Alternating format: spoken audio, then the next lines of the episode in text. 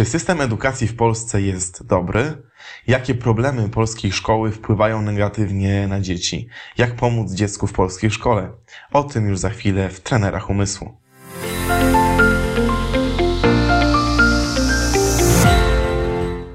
Dzień dobry, e, witam Cię serdecznie na naszym kanale Trenerów Umysłu w kolejnym już E, dwunastym odcinku. Dzisiaj będę mówił o temacie, myślę, że bardzo ciekawym, bardzo emocjonującym e, i bardzo istotnym, czyli o polskim systemie edukacji. Na samym wstępie chciałem zaznaczyć, że nie mówię tutaj o nauczycielach i nie będę ich w żaden sposób chciał zaatakować. Mówię jedynie o problemach, które wynikają z systemu, w którym żyjemy, w systemu polskiej edukacji, który ma pewne elementy, pewne e, działania, które niestety nie pomagają dzieciom w rozwoju, w dochodzeniu do mm, jak najlepszych umiejętności e, związanych właśnie z, z nauką e, i z rozwojem.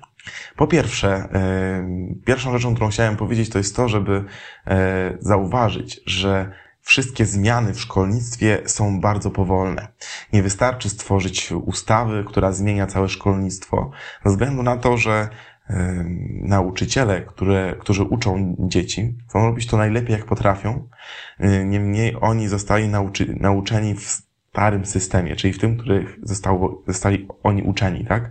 Czyli oni próbują nauczyć dzieci w taki sam sposób, w jaki sami zostali nauczeni, e, którzy uznają za najlepsze.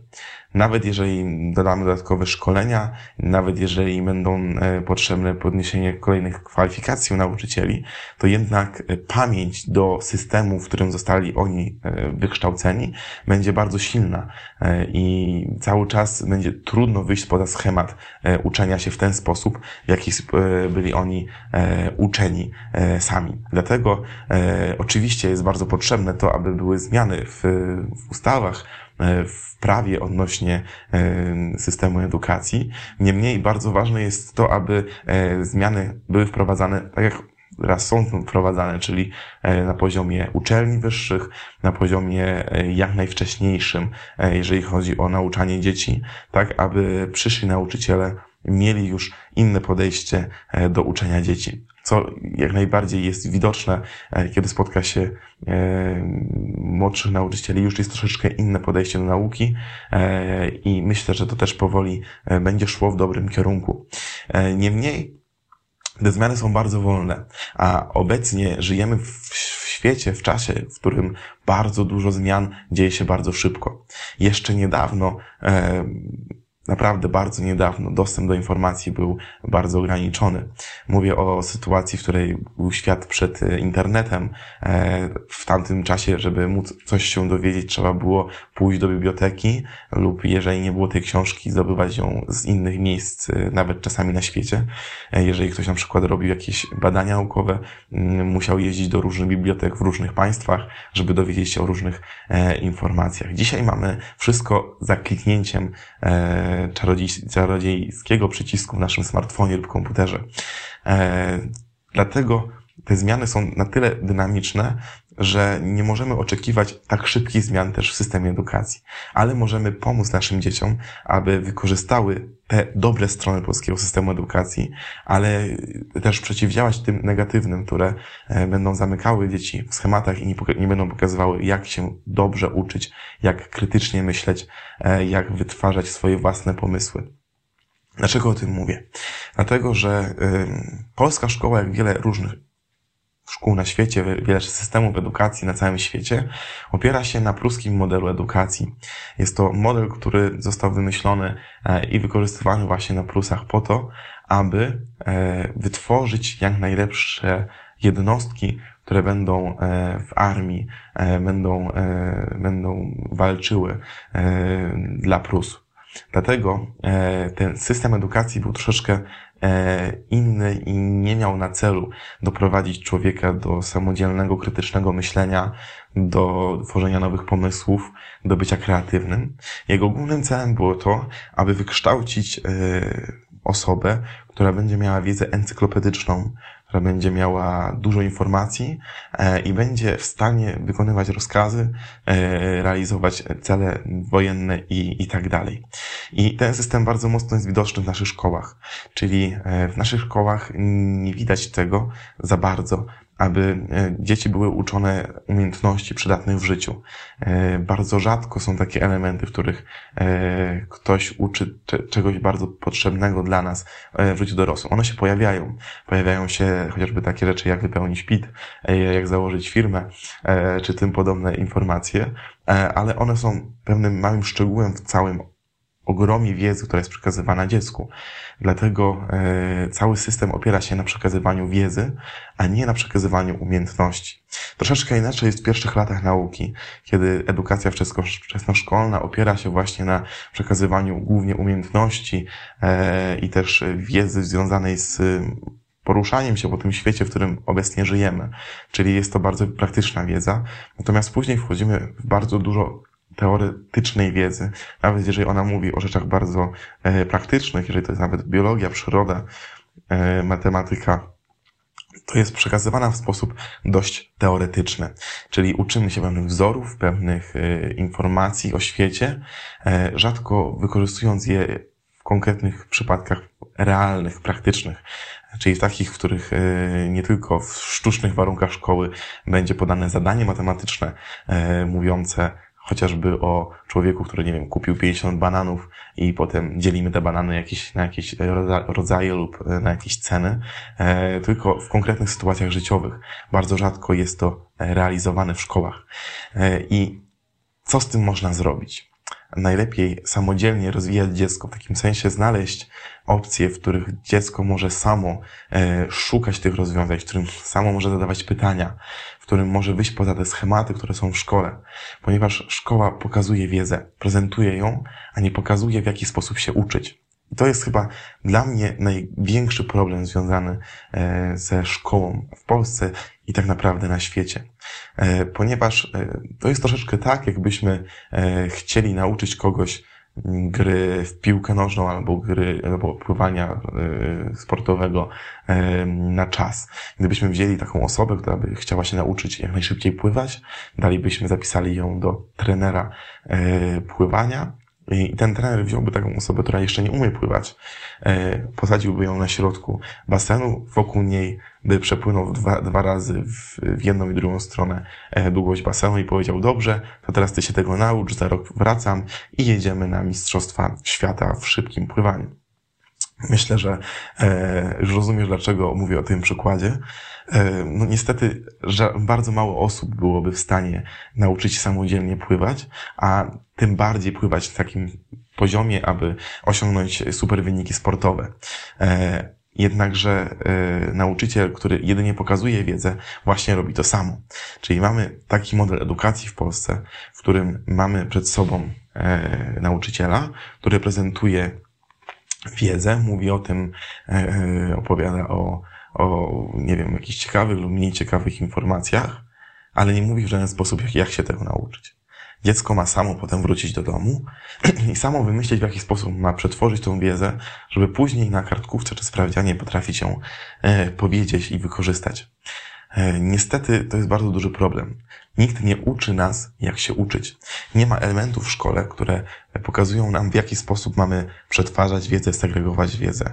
Nie ma chociażby możliwości stosowania metody Cornella, o której mówiliśmy w jednym z naszych odcinków. Nie ma możliwości e, właśnie e, wykorzystywania, pokazywania, w jaki sposób włączenia dziecka w to, aby ten proces nauki nie był wykładem z pytaniami, ale aby był wspólnym procesem szukania odpowiedzi na ciekawe pytania, wspólnym procesem e, przetwarzania informacji w celu utworzenia własnych wniosków. E, problem ten również opiera się na tym, że cała szkoła oparta jest na systemie oceniania, który sprawdza stan wiedzy. Czyli yy, nawet jeżeli mamy zadania praktyczne, to one realnie sprawdzają, czy dziecko ma wystarczającą wiedzę, aby wykonać dane zadanie. Czyli jeżeli dziecko ma pewne inne spojrzenie na problem, albo w inny sposób yy, roz, rozumuje, ma bardziej kreatywne podejście i nie wpisze się w klucz odpowiedzi, danym teście. Czy to jest matematyka, czy to jest język polski, czy obojętnie jakikolwiek inny e, przedmiot. W tym momencie e, już dostaje o wiele słabszą ocenę, bo nie jest zgodny ze schematem. I ten schemat bardzo nam przeszkadza, e, bo niestety nie pozwala być kreatywnym w szkole. Nie potrafi, nie pozwala być wybitnym, nie pozwala mieć własnego myślenia. Trudno wymyślić sobie szkołę, w której byłoby mm, ocenianie na innej podstawie niż na podstawie egzaminów i testów. Jednakże, czy zawsze muszą one być na każdym etapie edukacji? Czy za każdym razem, kiedy robimy kartkówkę, musi być ona oceniana na e, konkretny ilość procent e, wiedzy, e, dobrych odpowiedzi i ocenę? Czy może być po prostu punkt za odpowiednie podejście do tej kartkówki, za to, żeby ktoś się starał, żeby dobrze odpowiedzieć na pytania, że ktoś pokazał, że, że myśli kreatywnie, niekoniecznie poprawnie. E, takie podejście, w którym szukamy pozytywów u dziecka, w którym szukamy e, tego, że on się starał, a potem pokazujemy mu tą ścieżkę, w której nakierowujemy go na e, dobre tory, na tą odpowiednią wiedzę, którą on powinien mieć, na odpowiednie rozwiązanie problemu. Tak naprawdę wykorzystanie chociażby informacji o aktywnej powtórce. Czyli aktywna powtórka w szkole właśnie mogłaby wyglądać w taki sposób, że mamy e, lekcję, po której na końcu lekcji nauczyciel zawsze robi kartkówkę z tego, co było na lekcji. Jednakże ta kartkówka nie może przynieść żadnej negatywnej oceny, a jedynie pozytywnego na przykład plusa za to, że ktoś wyciągnął jakieś już wnioski z tego, co było przed chwilą e, na lekcji i potrafi coś skonstruować z tej informacji, która była przekazywana. Taka aktywna powtórka już by spowodowała, że dziecko będzie chciało samo słuchać e, na lekcji, będzie samo chciało dojść e, do dobrych rozwiązań, do własnego rozumowania e, i to by o wiele lepiej zwiększyło umiejętności dzieci w umiejętności uczenia się, umiejętności słuchania na lekcji. Chociażby taka mała zmiana jest naprawdę bardzo pozytywna. Oceny w szkole bardzo stresują dzieci.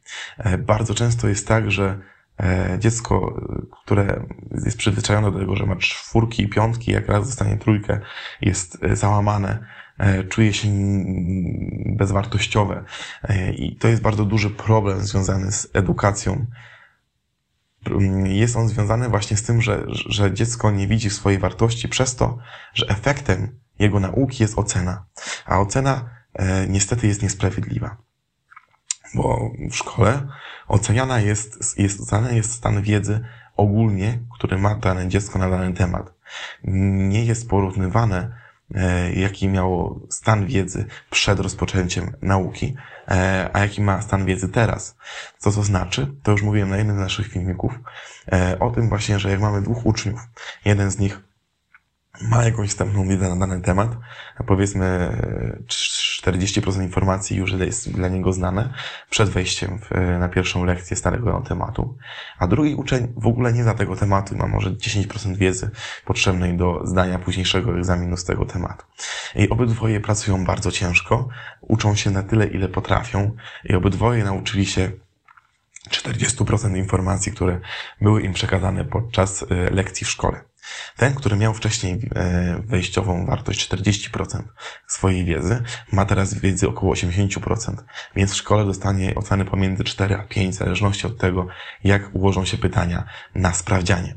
Natomiast to dziecko, które miało wynik, nauczyło się 40%, ale miało około 10% wiedzy wstępnej, ma maksymalnie 50% wiedzy, więc będzie oscylowało między dwójką a trójką. I w rozumieniu dzieci, w rozumieniu nauczyciela, w rozumieniu e, rodzica, to pierwsze dziecko jest mądre i się uczy, a to drugie dziecko, no, jakoś sobie radzi. A to jest niesamowity błąd, bo to obcina bardzo mocno skrzydła. Nie pozwala rozwinąć się tym, którzy nie mają wiedzy sami z siebie, a chcieliby się nauczyć, bo próbują, robią to jak najbardziej jak najwięcej potrafią, uczą się, e, a później i tak dostają samą ocenę, co ich bardzo demotywuje i nie pokazuje im tego, że potrafią się uczyć, że potrafią zrobić coś więcej. E, jak to poprawić? E, trudno powiedzieć. Na naszych kursach BestBrain staramy się zawsze porównywać wynik ucznia do jego wyników wcześniejszych. Nasze testy, które prowadzimy na, na, na różnych zajęciach, sprawdzające postęp danego dziecka, e, sprawdzają postęp właśnie wobec poprzednich e, testów, wobec tego, jak, jak jemu wychodziło to wcześniej. Dzięki temu e, bardzo mocno zauważam, że dziecko zauważa swoje umiejętności, to, że potrafi się rozwinąć. Że to wszystko daje mu konkretny efekt. I wtedy jego motywacja bardzo wzrasta. To, co jest też bardzo istotne, e, to to, że system edukacji w Polsce ma też swoje plusy. E, są może one mniej zauważalne, ale jednym z takich plusów jest to, że e, przez ogrom wiedzy, które, które dziecko musi przetworzyć, przez mnóstwo informacji, które dziecko musi się nauczyć, aby przejść przez cały system edukacji w Polsce, w jego głowie zostaje bardzo dużo wiedzy. Co znaczy, niekoniecznie będziemy pamiętali w wieku 40-50 lat, e, nie wiem, e, wzór na e, obliczenie pola ostrosupa. Może pamiętamy, znaczy pola, mówię pola bocznego albo objętości. Może pamiętamy, ale prawdopodobnie nie będzie to dla nas wiedza podręczna, taką, którą możemy użyć od razu. Natomiast ta informacja jest w głowie, ponieważ zapamiętaliśmy ją na tyle, aby zdać y, sprawdzian, żeby zapisać sprawdzian i przejść przez ten sprawdzian dalej w naszym procesie edukacji. Więc ta informacja jest w naszej głowie. I tych informacji mamy bardzo, bardzo dużo. Dużo osób mówi, no dobrze, no ale po co mi jest na przykład wiedza o e, trygonometrii? Po co mi cosinus, sinus i tak dalej? Nigdy tego nie użyłem. I z jednej strony jest to prawda, to nam nic nie pomaga, bardzo często nie jest to w ogóle dla nas przydatne. No chyba, że jesteśmy inżynierami i pro projektujemy jakieś elementy związane właśnie e, z geometrią. Natomiast e, jest coś takiego jak efekt kuli śnieżnej. Mówi o tym profesor Tony Buzan, e, który pokazuje, że e, proces nauki to nie, jedynie, nie jest to jedynie dekodowanie informacji przekazywanej nam, czy to wzrokowo, czy to ustnie. Czyli to nie jest tylko zrozumienie, co jest napisane, albo usłyszenie, co jest powiedziane. To nie jest tylko przetworzenie tej informacji, aby zrozumieć jej sens i kontekst, ale to jest również moment, w którym nasz mózg konfrontuje nową wiedzę z tą, którą już miał. E, zawsze ten element jest bardzo istotny dla naszego mózgu, aby wiedza była skonfrontowana z czymś, co znamy. Jeżeli tej wiedzy, która jest w naszej głowie, jest w tym sejfie, e, jest bardzo dużo, o wiele szybciej się uczymy.